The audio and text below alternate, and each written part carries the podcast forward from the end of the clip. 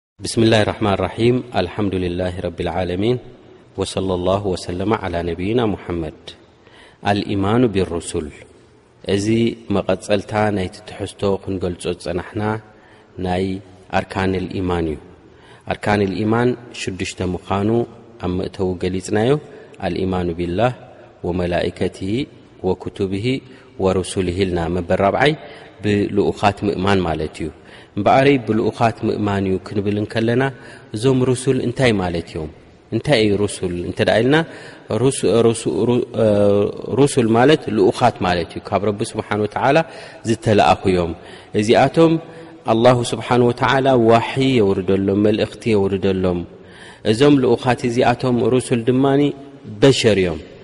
ደቂ ሰባት እዮም ካብ ደቂ ሰባት ዝፍለይዎ ነገር የብሎምን ኢላ ረቢ ስብሓን ወተዓላ መሪፅዎም ብሉፃት ዝኾኑ ታሪክ ናታቶም ንፁህ ዝኾነ ኣብነት ክኾኑ ስለ ዝኾኑ ንደቂ ሰባት ድማ ረቢ ስብሓን ወተዓላ ካብ ጌጋታት ሓልዩን ኮስኪሱን ዝናበዮም ካብ ደቂ ሰባት እዮም እሞ ካብ ደቂ ሰባት እንተ ደኣ ኮይኖም እንታይ እዩ ስርሖም እንተ ደኣ ኢልና እቲ ናይ ረቢ ስብሓን ወተዓላ ዝለኣኾም መልእኽቲ ዝወረዶም ብልኡኻት ወይ ብመላኢካ ኣቢሉ ናብኣቶም ዝወረደ ንሕና ድማ ንዓቶም ተኸቲልና ንኸይድ ማለት እዩ ንድኾነ ይኹን ህዝቢ ረቢ ስብሓን ወተዓላ ልኡኻት ልኢኹሎም ማለት እዩ ናይ መጀመርያ ልኡኽ መን እዩ እንተ ደኣ ተባሂሉ ኖሕ ይበሃል ማለት እዩ ናይ መጨረሻ መደምደምታን መዛዘምን ድማ ህዋ ሙሓመድ صለ ላሁ ለ ወሰለም ምኽንያቱ ድሕሪ ነቢና ሙሓመድ ብጀካ ዮም ኣልቅያማ እተዘይኮይኑ ናይ መጨረሻ ዓለም ስለ ዝኾነ ብድሕሪኦም ነቢ ዝመፅ የለን ማለት እዩ ኣላሁ ዘ ወጀል እውን እንታይ ኢሉ ቁርን እና ኣውሓይና ኢለይካ ከማ ኣውሓይና ኢላ ኑሕን ወነብይና ምን ባዕድሂ ከምቲ ቅድሜኻ ዝነበሩ ልኡኻት ዝነኣኽናዮም ናብ ኖሕን ብድሕሪኡ ዝነበሩን ንሕና ናባኻ ድማ ኣውሓይና ኢለይክ ናባኻ ድማ እዚ መልእኽቲ እዚ ኣውሪድናልካ ይብሎም እምበኣረይ እዚኦም ልኡኻት እዚኣቶም ካብ ረቢ ስብሓን ወተዓላ መልእኽቲ ተቐቢሎም ናብ ደቂ ሰባት ደብፅሑ እዮም ማለት እዮም ወልሊክ ኣላ ስብሓን ወተላ እውን ንነብይና ሙሓመድ ለ ሰላት ወሰላም እንታይ ኢሎም ማ ካነ ሙሓመዱን ኣባ ኣሓድ ምን ርጃሊኩም ወላኪን ረሱላ ላ ወኻተመ ነብይን ሙሓመድ ኣቦ ሓደ ካባኻትኩም ኣይኮነን እንታይ እዩ ደኣ እንትርኣ ኢልኩም ረሱሉላህ እዩ ልኡኽ ናይ ረቢ እዩ ወኻተመ ነቢይን ነቢይነት ብእኡ ኣብቂዑ እዩ ተደምዲሙ እዩ እምበኣረይ ነቢና ሙሓመድ ዓለ ሰላት ወሰላም ናይ መጨረሻ ነቢ ምዃኖም ክንኣምን ከምኡ ድማ ቅድሚኦም ድማ ነቢይታት ከም ዝነበሩ ካብ ኣላ ዝተለኣኹ ከም ዝነበሩ ምእማን ማለት እዩ ድኾነ ትኹን ህዝቢ ኣላሁ ስብሓን ወተዓላ ልኡኽ ዘይለኣኸሎም የለውን ምኽንያቱ ህዝብታት ብምንታይ ክፈልጡ እዮም ንፈጣሪኦም ኣላ ስብሓን ወተዓላ ድኣዘዞን ዝኸልከሎን እውን ክበርሃሎም ስለ ዘለዎም ደቂ ሰባት ሓቂ ናታቶም መሰል ናታቶም ስለ ዝገበረሎም ረቢ ኣላ ስብሓን ወተዓላ በቲ ርህራሄ ናቱ በቲ ራሕመት ናቱ እንታይ ገይሩ ማለት እዩ ልኡኻት ልኢኹ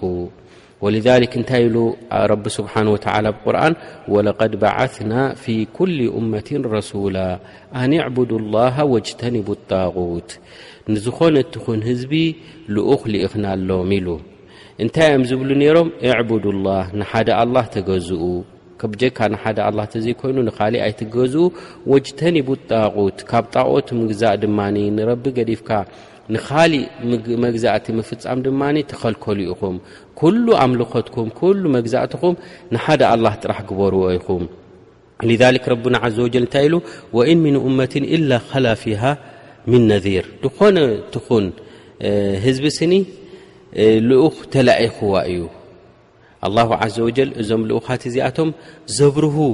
ቅኑዕ መንገዲ ዝመርሑ ገይሩ ልኢኹዎም ማለት እዩ እና ኣንዘልና ተውራተ ፊሃ ሁደ ወኑር ኢሉ ረቢ ስብሓን ወተላ ተውራት ኣውሪድናዮ መምርሕን ብርሃንን ዝኾነ ያሕኩሙ ብሃ ነብዩን ለذነ ኣስለሙ ልለذነ ሃዱ እዚ ዝወረደ ቁርዓእቲ ዝወረደ ተውራት ድማ ነቶም ነቶም ነብያት ዝተኸተሉ ሰባት ንዓቶም መምርሒ ዝኸውን እዩ ይብል እምበኣሪ እዚ መፅሓፍቲ ዝወሪዱ ዘሎ መምርሒ እዩ ንደቂ ሰባት በቲ ተባሂሉ ዘሎ ኣፀቢቖም ነቲ ወሪዱ ዘሎ ከፅንዕዎን ክፈልጥዎን ብኡ ድማ ንክምርሑን ኢሉ ዘውረዶ እዩ ማለት እዩ መደምደምታ ናይ መፅሓፍቲ ድማ ሁወ ልቁርን ቁርን ልከሪም ማለት እዩ እምበኣር ሩሱል ክንብል ከለና ኣልኢማኑ ብሩሱል ክንብል ከለና እንታይ ማለት እዩ ብልኡኻት ምእማን ማለት በሸር መክሉቁን ረቢ ዝፈጠሮም ፍጡራት እዮም ከምቲ መላእካ ፍጡራት እዮም ትእዛዛት ናይ ረቢ ክፍፁሙ እዮም ተፈጢሮም ንዖም ከነምልኾም የብልናን ዝበልናዮም እዞም ልኡኻት እዚኣቶም ድማ መክሉቁን እዮም ለይሰ ለሁም ምን ከሳኢስ ኣሩቡብያ ወልኡሉህያ ሸይ ካብቲ ዋንነት ናይ ሰማይ ይኹን ናይ መሬት ይኹን ወላ ሓንቲ ዝውንንዎ የብሎምን ከምኡ ድማ ንዖኦም ዝግባእ ኣምልኾት እውን የለን ንዕኦም ትንብርከኸሎምን ትሰግደሎምን ኣይኮኑን ንሳቶም እንታይ እዮም ነቲ መንገዲ ናታቶም ተኸትልካ ንኣላህ ስብሓን ወተዓላ ክትግዛእ ማለት እዩ ወልዛሊክ ነቢያት ወላ ሓንቲ ማለት ናታቶም ሓላፍነት እቲ ዝዓበየ እንታይ ምዃኑ ኣፍሊጦምና ናይ ረቢ መልእኽቲ ተቐቢሎም ንደቂ ሰባት ምትሕላፍ እምበር ንደቂ ሰባት ወይ ደቂ ሰባት ንዖም ከምልኽዎም ኣይኮነን ስለዚ ዩ ከዓ ረቡና ዓዘ ወጀል በቶም ነቶም ብሉፅ ብሩፅ ዝኾኑ ነቢና ሙሓመድ ዓለ ሰላት ወሰላም እንታይ ክብሉ ኣዚዝዎም ቁል ላ ኣምሊኩ ሊነፍሲ ነፍዓ ወላ ضራ ኣነ ነዛ ነፍሰይ እውን እንተኾነት ጥቕምን ጉድኣትን ዝውንን ኣይኮንኩን ኢላ ማሻ ኣላህ እቲ ረቢ ዝደለዮ ተዘይኮይኑ ኣነ ወላ ሓንቲ ዝውንኖ ነገር የብለይን ወለው ኩንቱ ኣዕለሙ ልغይባ ለስተክሰርቱ ምና ልኸይር ኣነ ናይ መጻኢ ዝኸውን እውን ዝፈልጥ ነይረ እንተዝኸውን ብዙሕ ነገራት መብዛሕኩ ብዙሕ ኸይራት እውን ሰራሕኩ ነይረ ናይ መጻኢ ግን ዝፈልጦ ነገር የብለይን በሊኻ ኢልዎም ረቢ ስብሓን ወተዓላ እዘን ካብ ረቢ ስብሓን ወተላ ዝኾነ ይኹን ክወርድ እንከሎ ዝከላኸለሎም ውን የለን ኢላ ረቢ ስብሓን ወተላ ተዘይኮይኑ ማለት እዩ እዘን እዞም መላእካታት እዚኣቶም ወይ እዞም ሩስላት እዚኣቶም ካብ ረቢ ዝተለኣኹ ካብ ረቢ ስብሓን ወተላ ተላኢኾም ንደቂ ሰባት ዘምህሩን ኣብነትን እዮም ከምቲ ንደቂ ሰባት ዘጋጥሞም ሕማም ሞት ዝበልዑን ዝሰትዩን እዮም ማለት እዮም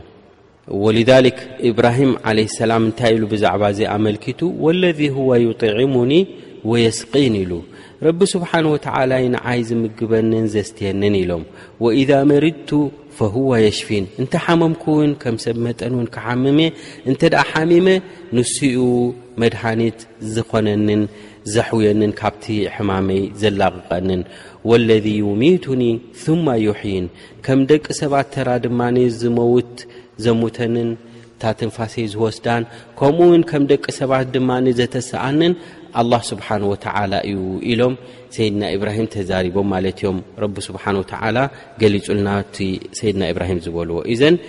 ነቢና ሙሓመድ ዓለ ሰላት ወሰላም እንተኾኑ እንታይ ኢሎም ኢነማ ኣና በሸሩ ምስሉኩም ኣነ ከማኻትኩም ሰብ እየ ኢሎም ኣንሳ ከማ ተንሰውን ፈኢዛ ነሲቱ ፈዘኪሩኒ ኢሎም እዚ ኣብ ሰላት እዩ ሓደ እዋን ሓደ ዝኾነ ናይ ሰላት ምስ ረስዑ ሲ እቶም ሰሓባ ሱቅ ምስ በሉ ኢሎሞም ኣነ እኮ ከማኹም ሰብ እየ ከምቲ ትርስዕዎ ይርስዐ እንተ ዝኾነ ነገር ረሲዐ ሲ ኣዘክሩኒ ኢኹም ኢሎም እምበኣረይ ኸሳኢስት ካብቲ ናይ ረቢ ስብሓን ወተዓላ ወይ ማለት ዝኾነ ይኹን ኡሉህያ ይኹን ሩቡብያ ይኹን ዘለዎም ኣይኮኑን ማለት እዮም ንሳቶም ብሉፃትን ምሩፃትን ዝኾኑ ረቢ ስብሓን ወተዓላ ዝመረፆም ረቢ ስብሓን ተዓላ ድግዝኡ እዮም ወልሊክ ኣላ ስብሓን ወተዓላ ሓታ ክንእዶም እንከሎ ናተይ ባሮት እዮም ኢልዎም እምበኣር ንሳቶም ባሮት እዮም ንሕና እውን ባሮት ኢና ኩሉ ሰማይን መሬትን ናይ ረቢ ስብሓን ወተዓላ ባርያ እዩ እነሁ ካነ ዓብደን ሸኩራ ኢልዎም ንሰይድና ኖሕ ናትና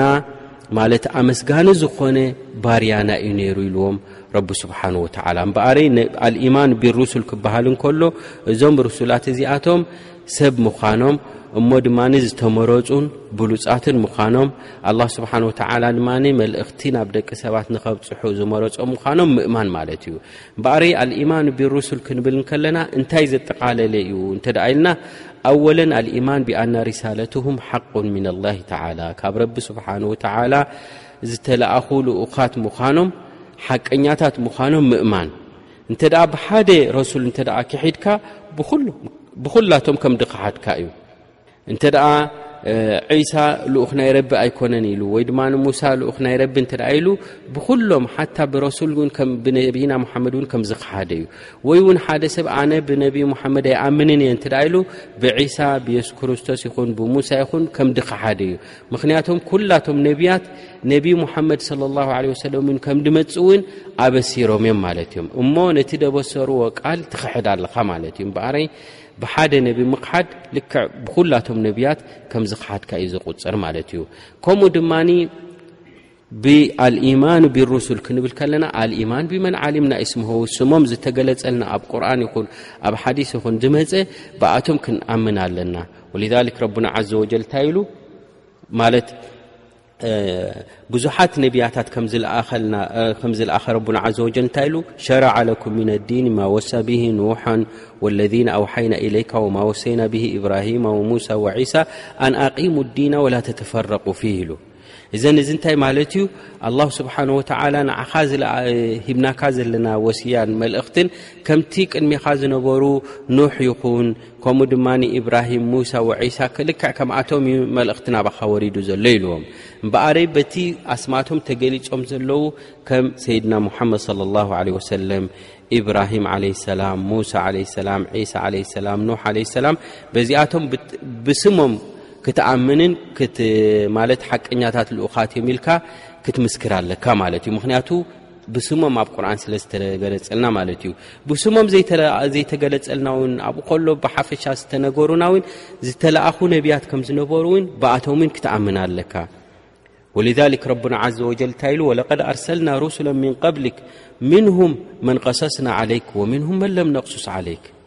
እምበኣረይ ነቢያት ስም ኣስማቶም ዘይተገለጹልና ኣለዉ ማለት እዮም ኣለዉ ነቢያት ዝለኣኽናዮም ኢሉ ረቢ ስብሓን ተዓላ ናታቶም ኩነታት ነጊርናካ ኣለዉ ድማ ዘይነገርናካ ኢሉ እምበኣር እዞም ልኡኻት እዚኣቶም ካብ ረቢ ዝተለኣኹ ብዙሓት ከም ዘለዉ ብስሞም ድማ ተገለጹ ድማ በስማቶም ድማ ክንኣምን ኣለና ከምኡ እውን ተስዲቅ ማሳሓ ዓንሁም ምን ኣክባር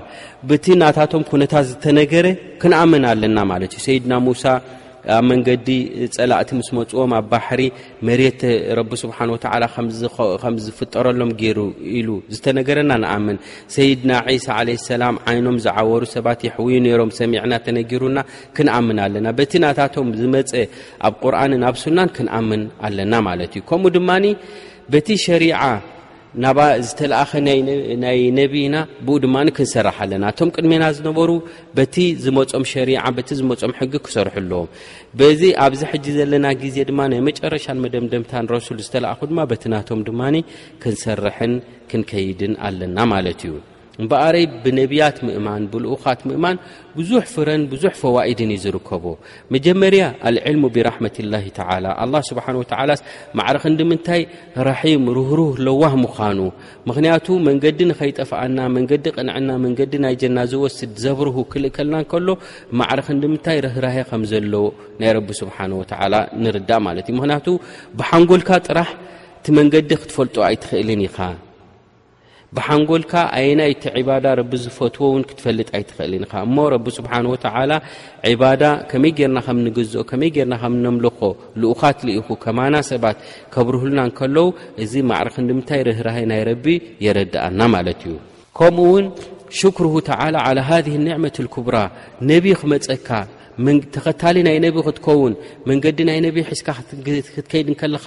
ጀና ዝመርሕ መንገዲ ስለ ዝኾነ ነዚ ዓብይ ዝኾነ ኒዕማ ረቢ ብምልኣኹ ንረቢ ስብሓን ወተዓላ ከተመስግን ወይ ድማ ከነመስግኖ ይግብኣና ከምኡ ውን ነቶም ርሱላት ነቶም ልኡኻት ድማ ታዕዚም ክትገብረሎም ከተኽብሮም ብፅቡቕ ክትዝክሮም ከተናእሶም ውን የብልካን እንታይ ደኣ ናይ ብሓቂ ዓበይቲ ምዃኖም ክቡራት ምዃኖም ብግቡእ ገይሮም ከም ደመሓላለፉን ከምኡ ትእዛዛት ናይ ረቢን ኣባና ከም ደብፅሑን ክንኣምን ኣለና ማለት እዩ ሓንቲ ከየጉደሉ እቲ ረቢ ዝሃቦም እቲ ረቢ ዝኣዘዞም ድማ ብምሉኡ ከም ደብፅሑ ድማ ክንኣምን ኣለና ማለት እዩ እወ ነዞም ነቢያት እዚኣቶም ብዙሓት ተፃባእቲ ነይሮሞም ብዙሓት ዘናእእስዎምን ዘይክተልዎምን ነይሮም ናታቶም ፃማ ዝረኸቡ ወይ ናታቶም ነቲ ዝበደልዎ ገና ኣብ ኣዱንያ ከለዉ መቕፃዕቲ ዝወረዶም ኣለዉ መቕፃዕቲ እውን ከይወሰዱ ካብዚ ዱንያ እዚ እውን እተ ተፈልዮም ድማ ፅባሕ ንግሆ ድማ ዓብይ መቕፃዕትን ዓብይ ውርደትን ከም ዘለዎም ድማ ክንፈልጥ ኣለና ማለት እዩ እዞም ልኡኻት እዚኣቶም ድማ ረቢ ስብሓን ወተዓላ ዝለኣኾም ንገዛእ ርእሶም ንዓና ኣምልኹና ኣይበሉን ንሳቶም ንረቢ ኣምልኹ ኢሎም እዮም ኣዚዞም ግን እንተኾነ ሕጂ ገለ ገለ ሰባት ንገለ ኣንብያ ልኡኻት ናይ ረቢ ዝምልኽዎምን ዝግዝእዎምን ኣለዉ ንምሳሌ ንዒሳ ድግዝእዎም ከም ረቢ ገይሮም ድሕዝዎም ኣለዉ ንሳቶም ዮም ኣልቅያማ ምስ ኮነ ዒሳ ዓለ ሰላም ንገዛእ ርእሱ ክሕተት እዩ እስኻ ባዕልኻ ዲኻ ኢልካዮም ንዓይ ኣምልኹኒ ወላስ ባዕላቶም እዮም ተባሂሎም ረቢ ስብሓን ተላ ክሓቶም እዩ ያ ረቢ ይብል ዒሳ ዓለ ሰላም ኣነ እንተ ደኣ እዚ ጉዳይ እዚ እንተ ደኣ ኢለዮ ኮይነ እስኻ ትፈልጥ ኢኻ ኣነ ዝበልክዎም ኣነ ደኣ ዘዝክዎም እታ ንስኻ ደኣ ዘዝካኒ ንረቢ ስብሓን ወተዓላ ተገዝኡ ትብል ንዓ ጥራሕ የመሓላሊፈ ይብል ማለት እዩ እምበኣረይ በዞም ነቢያት እዚኣቶም ምእማን ሓደ ካብቲ ክፍልታት ናይ ኣርካኑልኢማን እዩ እዚ ድማ ኣጸቢቕና ክንፈልጦን